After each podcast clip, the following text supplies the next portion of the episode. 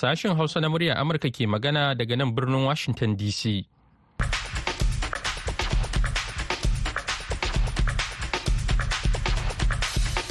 Masu sauraro Assalamu alaikum barkanmu da wannan lokaci yanzu ma Muhammad Hafiz Baballe ne tare da Mahmud Lalo sauran abokan aiki ke farin cikin gabatar muku da wannan shirin na dare a yau Asabar 6 ga watan Janairu na shekarar 2024. A cikin shirin namu da yanzu za ku ji ra'ayoyin wasu 'yan Najeriya kan alwashin da shugaba Bola Ahmad Tinubu yayi na gyara sha'anin wutar lantarki a ƙasar. Kama kowace rana asabar. Ibrahim kalmasi garba zai shigo mana da shirin sana amsoshin tambayoyinku. Sai kuma shirin wasanni a taƙaice wanda zai kawo muku labaran wasanni. Amma kafin nan sai a gyara zama sauran labaran duniya.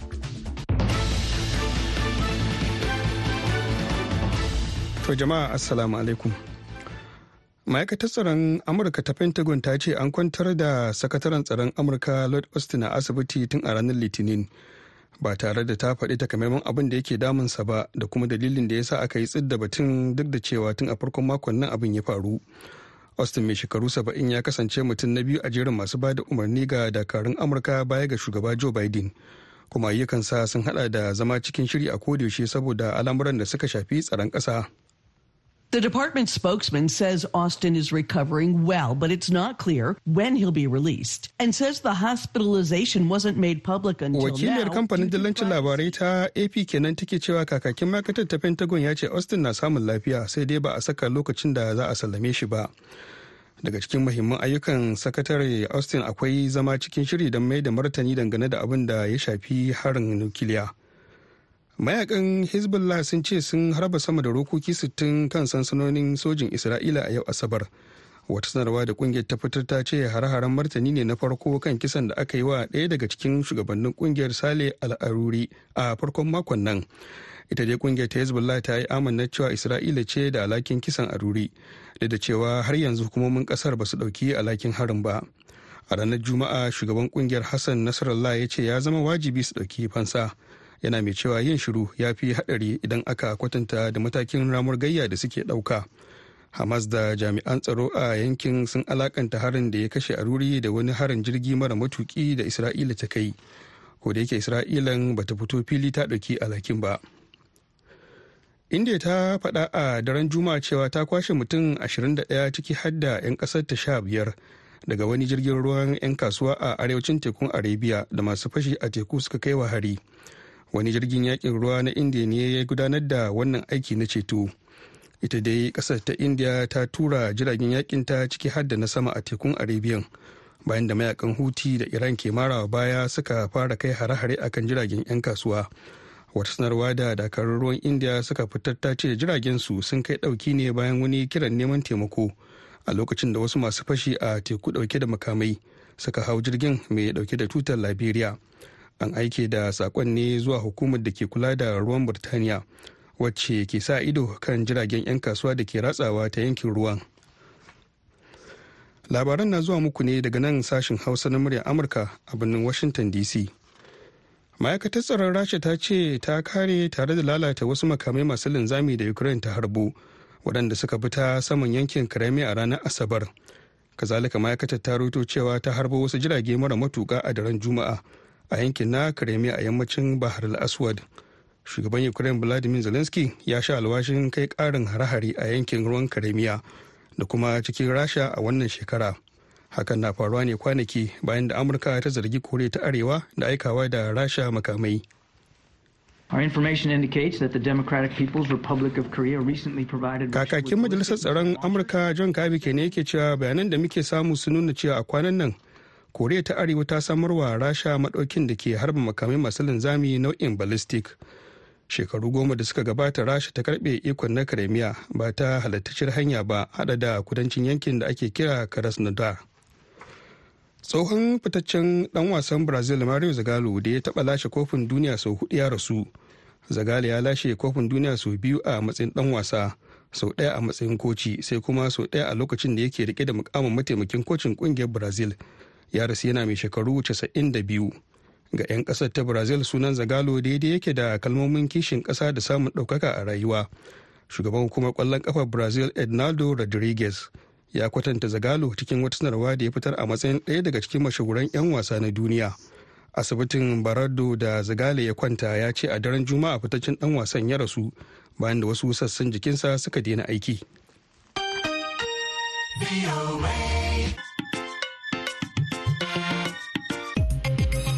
Labaran duniya aka saurara daga nan sashen hausa na murya amurka a birnin washington dc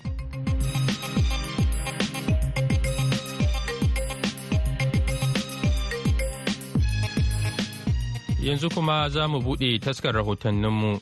Rashin ingantacciyar wutar lantarki a najeriya na daga cikin abin da ke ciwo al'ummar ƙasar tuwo a ƙwarya. A shekarar da ta gabata an samu katsewar wutar lantarki sau sha biyu a ƙasar. A jawabinsa na sabuwar shekara shugaba bola tinubu ya sha alwashin kawo ƙarshen wannan matsala. Daga abuja ga rahoton da wakiliyanmu rukayya bashi ta haɗa mana. Matsalar wutar lantarki a Najeriya wani abu ne da 'yan ƙasar ke fatan ganin sa. A jawabinsa na sabuwar shekara, shugaban kasa Bola Ahmad Tinubu ya sha alwashin magance matsalar wutar lantarki a ƙasar. Shugaba Tinubu ya ce za su iya ƙoƙarin su domin ganin an hanzarta inganta wutar lantarki da duk ɗan ƙasa zai mora. Idan za a iya tunawa a taron COP28 da ya gudana a haɗaɗɗiyar daular Laraba a watan Disamban shekarar da ta gaba. gabata najeriya da ƙasar jamus sun rattaba hannu kan sabuwar yarjejeniyar inganta wutar lantarki a najeriya wanda kamfanin siemens na ƙasar jamus shine zai gudanar da aikin gyara matsalar wutar lantarkin a najeriya. Tsohon shugaban najeriya olusegun obasanjo a lokacin mulkinsa ya taba bawa kamfanin na siemens kwangilar dalar amurka biliyan sha shida domin inganta wutar lantarkin ƙasar wanda har zuwa yanzu ba ta gyaru ba. Shin koya 'yan najeriya ke ganin wannan yunkuri na shugaba tinubu akan gyara harkar wutar lantarkin ƙasar ni ra'ayina kawai su zo. Shine babban ra'ayina saboda an yi ɗaya biyu maybe na uku sai a dace. Sun zo lokacin obasanjo ba dace ba. Sun zo lokacin muhammadu buhari ba dace ba. To maybe cikin yardar allah wannan zuwan da za su in allah da mu muna fata. A tunani nawa. Saboda yanzu ma al'amarin wutan ya dan so mu canja ba kamar da ba.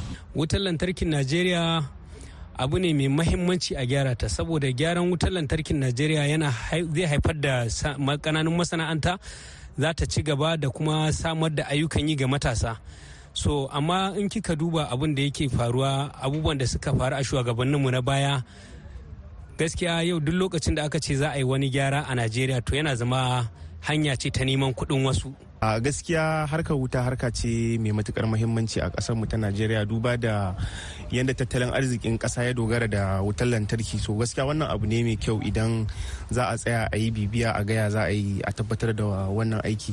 A hirarsa da muryan amurka rulwanu ladan manazarci kuma mai sharhi akan al'amuran yau da kullum ya ce bawa kamfanin siemens aiki abu ne mai kyau.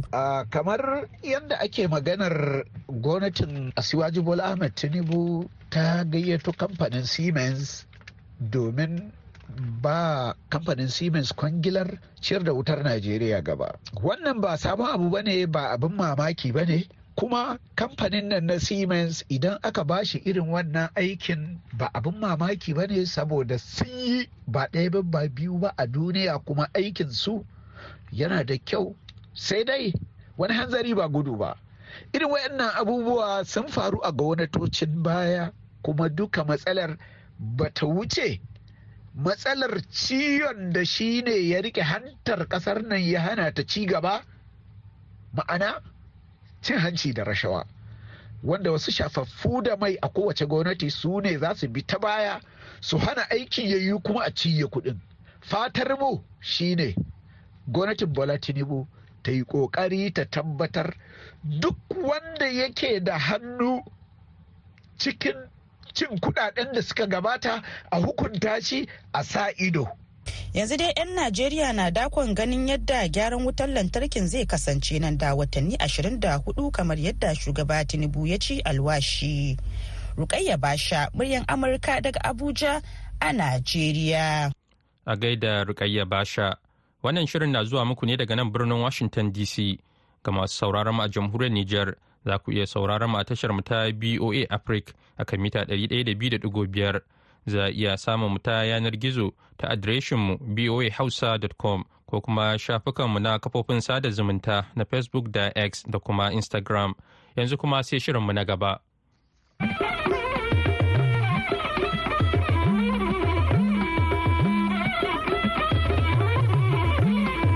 Masu sauraron mu Assalamu alaikum barkanmu da sake saduwa a wannan shirin na amsoshin tambayoyinku.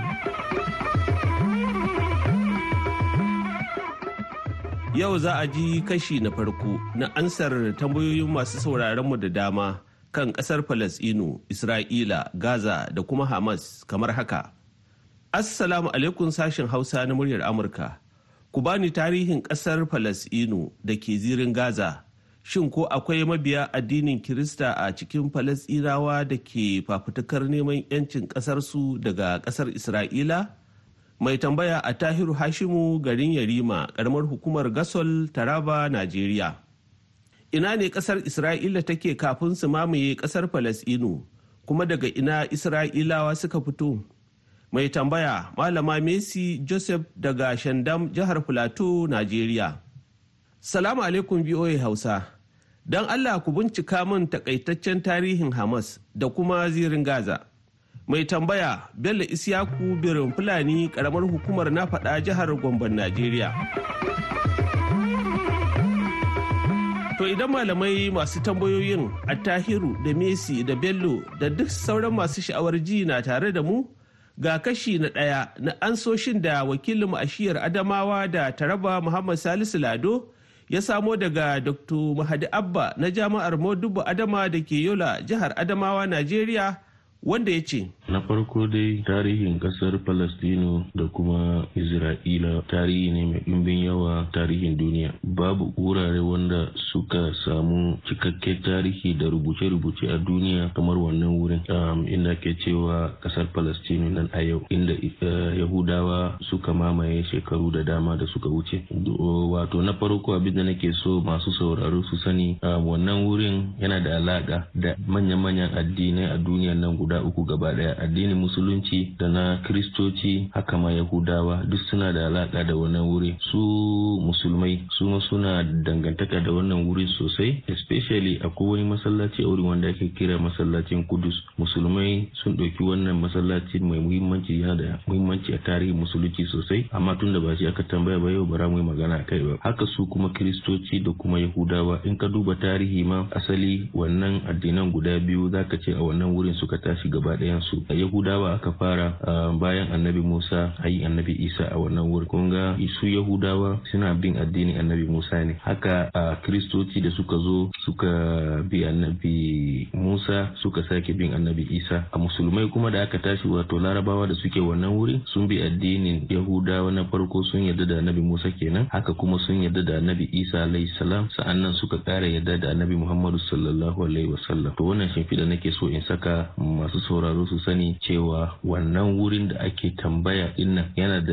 ɗimbin tarihi sosai. Duk addinai na duniya suna alaka da wannan wuri. Akwai wuri ɗaya daga ciki wanda ya tambaya ko akwai kiristoci a palestine ko a israel lallai duka wannan ƙasan guda biyu da ake faɗa a kai yanzu akwai musulmai akwai kiristoci haka kuma akwai yahudawa. Wato yahudawa masu bin addinin annabi musa kiristoci masu bin addinin annabi isa haka kuma musulmai masu bin addinin annabi Muhammadu sallallahu alaihi wasallama wanda su sun yarda da shi annabi Muhammadu da annabi Isa alaihi salam tare da annabi Musa alaihi salam. Dukansu to wannan zai gaya mana cewa wannan wurin akwai kiristoci kowa ya sani akwai su a wurin. Haka kuma akwai yahudawa haka kuma akwai musulmai. Yawa yawan larabawa da suke wurin musulmai ne amma fa akwai larabawa wanda ba sa sallah wanda kiristoci ne. Haka kuma akwai larabawa wanda su kuma yahudawa ne. Haka kuma za a samu yahudawa wanda suka musulunta suna sallah ko kuma suna kiristancin su. Don haka a cakuɗe suke. Sai dai in ka zo ta ɓangaren Palestine yawa yawan su musulmai ne larabawa amma akwai kiristoci a cikin su wanda suka yarda da addinin Annabi Isa alayhi salam. Ba su da yawa a cikin Palestine. Haka kuma in kai crossing ka tafi inda Yahudawa suke yanzu wato Isra'ila su ma akwai kiristoci a wurin akwai musulmai akwai Yahudawa. To wannan shi ma na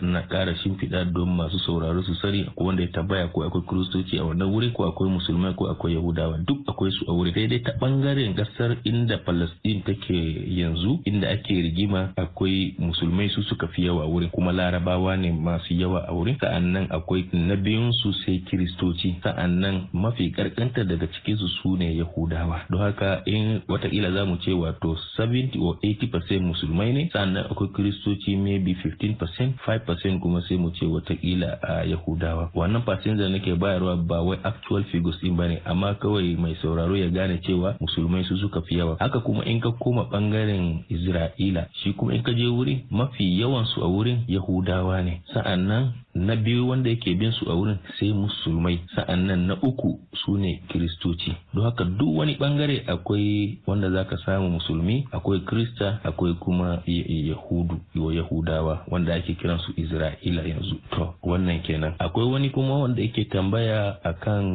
zirin gaza wato gaza wa ina ne gaza dinan wato gaza dinan wato ita ƙasar palestine kasa ce wanda take da wurare manya-manya guda biyu. Kamar yanzu in ka zo najeriya sai ka ce northern najeriya da kuma southern najeriya ka gani in ka zo southern najeriya akwai ƙasashe da dama wato jihohi. Haka kuma in ka zo northern najeriya akwai jihohi da dama. Wato gaza ita palestine akwai gaza zirin gaza da ake magana nan gaza street sa'an nan akwai kuma west bank. Wannan wuraren guda biyu su ne manya-manyan district da suke cikin ƙasar palestine don haka ita gaza tana ɗaya daga ciki wanda ita hamas take mulki a wannan wurin yanzu da muke magana. Sa'annan ta wurin west bank kuma um, wato palestinian national authority su suke mulki a wannan wurin a gargashin prime minister na palestine kenan wanda aka samu rigima ne tsakanin palestinawa shekaru da dama da suka wuce. Lokacin da america ta shirya za a samu two state solution tsakanin yahudawa da kuma uh, mutanen larabawan palestine. Ana so a raba wannan wurin ya zama ƙasa guda biyu wanda za a ɗauko uh,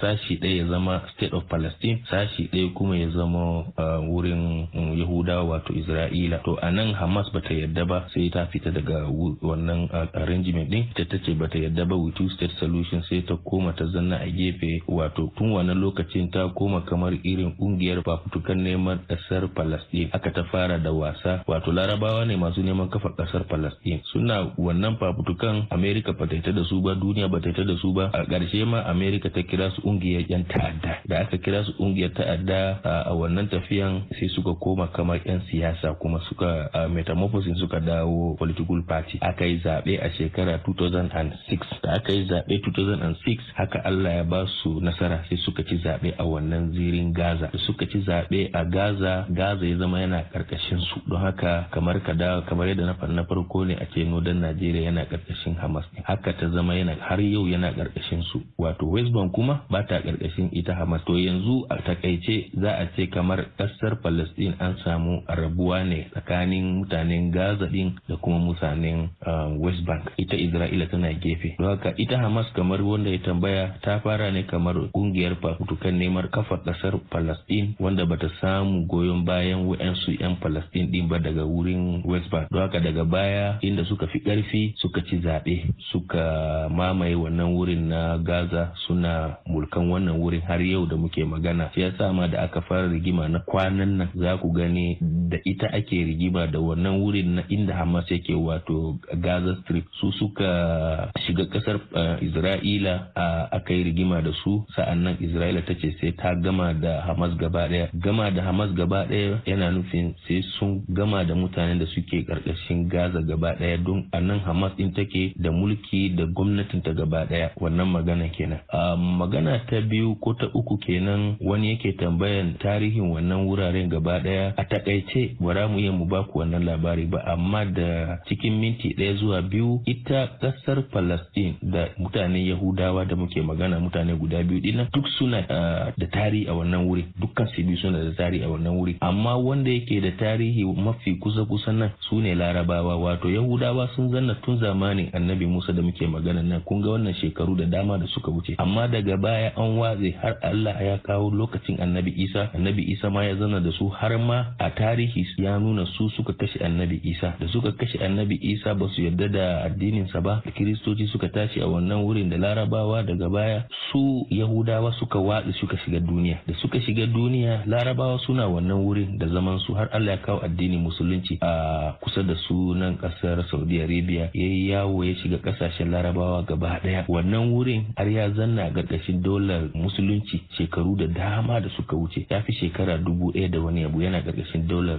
musulunci ne. Larabawa su suka yi wannan wurin. Shekarun baya da yahudawa suna yawo a duniya sai amerika da ingila suka ce gara a nemo inda asalin waɗannan mutanen suke a mai da su. Domin amerika ta lura da rigingimu da fitina yahudawa sai suna neman ina za a kai su a mai da su asalin inda a tarihi ya nuna suke. Aka ce a asalin tarihin su a can ƙasar palestine suna da wani wuri inda su ma suke da asali a wuri a mai da su wato wannan jerusalem da muke magana. Don haka amerika ta taimake su da ingila. A taƙaice kawai za mu yi magana nan. Amerika da ingila suka taimaka musu domin sun addabe su cikin ƙasashen su aka taimaka aka wannan wurin palestine lokaci tana ƙarƙashin mulkin mallaka na turawa wato turawan ingila. Don haka ingila ta zo ta yanka wannan wurin da ake cewa isra'ila yanzu. Ta ce to wannan wurin ya zama ƙasar isra'ila. Ko kuma falastin ku zanna a wannan gefen. Falastin kuma suka ce ba su yarda ba domin a ganin su cikin ƙasar su ne aka zo aka yanka aka fitar da ƙasar isra'ila. Um, to amma lalle america da england sun bibiya suka tabbatar sai da aka kirkiro wannan ƙasar. An kirkiro ta ne on 14 may 1948 wannan 1940 ake cewa declaration of state of israel wanda ingila ta yi tare da support na america aka kirkiri ƙasar yahudawa. A wannan wurin inda palestinawa suke asali za ka ce wurin palestin ne da kuma na larabawa ne da kiristoci da suke a wannan wuri. Da yahudawa suka dawo da ƙarfi da yaji america ta dinga ba su kayan fada da duk abin da suke buƙata ita da ingila domin su rabu da su a ƙasashen su tarihi ya nuna sun addabe su a ƙasashen su suma haka suna buƙatar fitar da su daga wurin su su tafi inda asalin su yake don su samu su sha iska a ƙasashen su don haka daga wannan 1948 din america ta ci gaba da taimakawa ita ƙasar isra'ila haka kuma england da sauran ƙasashe na turai su To sai a kasance da mu makon gobe don jin kashi na biyu na ansoshin tambayoyi kan Falasɗinu, Hamas, Isra'ila da dai sauransu. Yanzu a madadin wanda ya ansa mana tambayoyin Dr. Mahadi Abba na Jami'ar Modubu Adama da ke Yola jihar Adamawa, Najeriya da kuma wakilinmu a shiyar Adamawa da Taraba Muhammad Salisu Lado da mu Fiona Nandudo Mayi da injiniyan mu na yanzu ni Ibrahim Kalmasi Garba ke cewa sai makon goben idan Allah ya kai mu. Wassalam. Shoma da lagai da Ibrahim Kalmasi Garba. Kafin mu kai ga shirinmu na gaba, mu shakata da wannan faifai.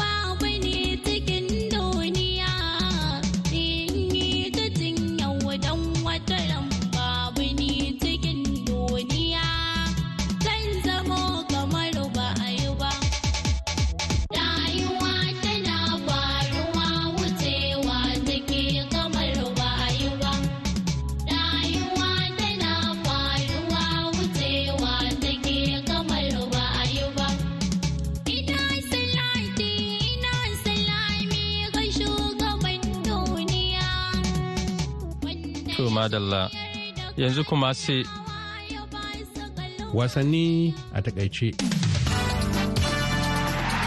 Ƙwallon kafa ta Real Madrid ta kara yawan tazara da take da shi a matsayinta na jagorar teburin La Liga Spain bayan nasarar da ta yi a kan ƙungiyar ƙwallon kafa ta Maloka da ci ɗaya mai ban haushi a dare ranar Larabar da ya gabata. Shi kuwa dan wasan tsakiya na ƙungiyar ƙwallon kafa ta Tottenham Pape Mata ya rantaba hannu a sabuwar yarjejeniyar tsawaita kwantirakinsa ta ƙungiyar wadda za ta bashi damar takewa ƙungiyar leda har tsawon akalla shekara shida da rabi. Dan wasan gaba na Manchester United Jado Sancho na shirin komawa tsohuwar kungiyarsa ta Borussia da ke ƙasar Jamus a matsayin aro cikin wannan kakar bayan buɗe kasuwar musayan 'yan wasa da ake ciki a wannan watar na Janairu. Shi kuwa dan wasan gaba na PSG Kyalen Mbappe ya ce har yanzu bai kammala tsaye da shawara kan makomarsa ba domin kuwa bai tabbatar da ƙungiyar da zai koma da take leda ba daidai lokacin da kwantiraginsa ke karewa da ƙungiyar ta birnin Paris wato PSG. Wata babban kotu a ƙasar Faransa da ke binciken manya-manyan laifuka a ƙasar ta yi wa dan wasan gaba na Algeria da ke take leda da Nice mai doka gasar League One Yusuf Atal daurin talala har na tsawon watanni takwas bayan tuhumarsa da wallafa wani bidiyo a shafinsa na sada zumunta da ke da alaka da addini dangane da kisan kiyashin da Isra'ila ke yi wa al'ummar yankin Gaza. A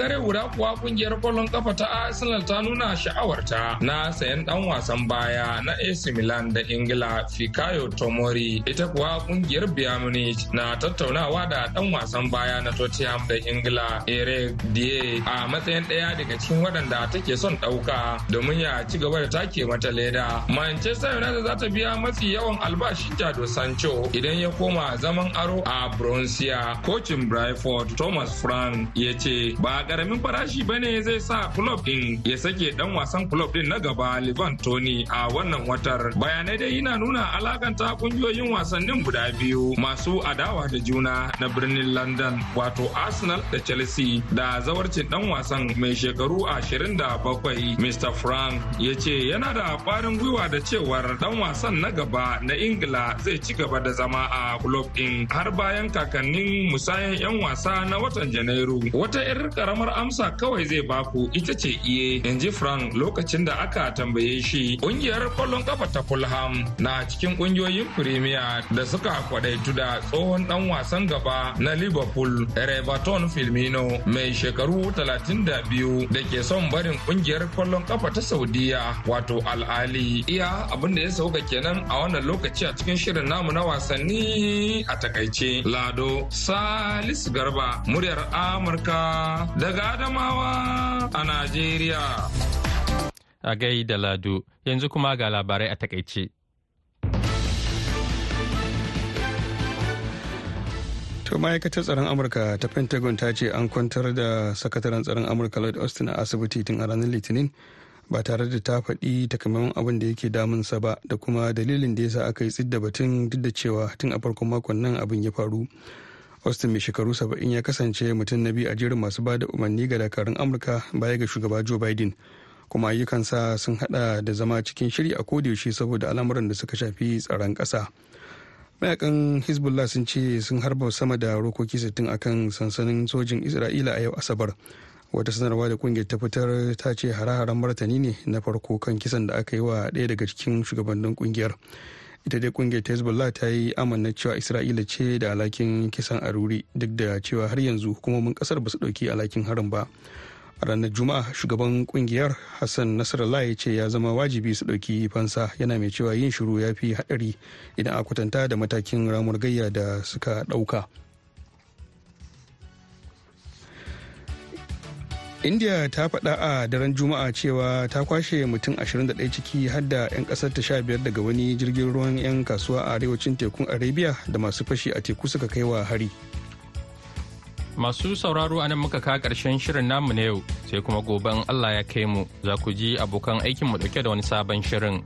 Kafin mi sallama da ku muna mika saƙon ta'aziyya ga 'yan uwa da iyalan alhaji awalu musa. Da allah ya yi wa rasuwa yau asabar a unguwar gwangwazo da ke jihar kanan najeriya. Allah ya ji kansa da rahama amin. Yanzu a madadin mahmud lalo da ya karanto labarai da fiona wa mayi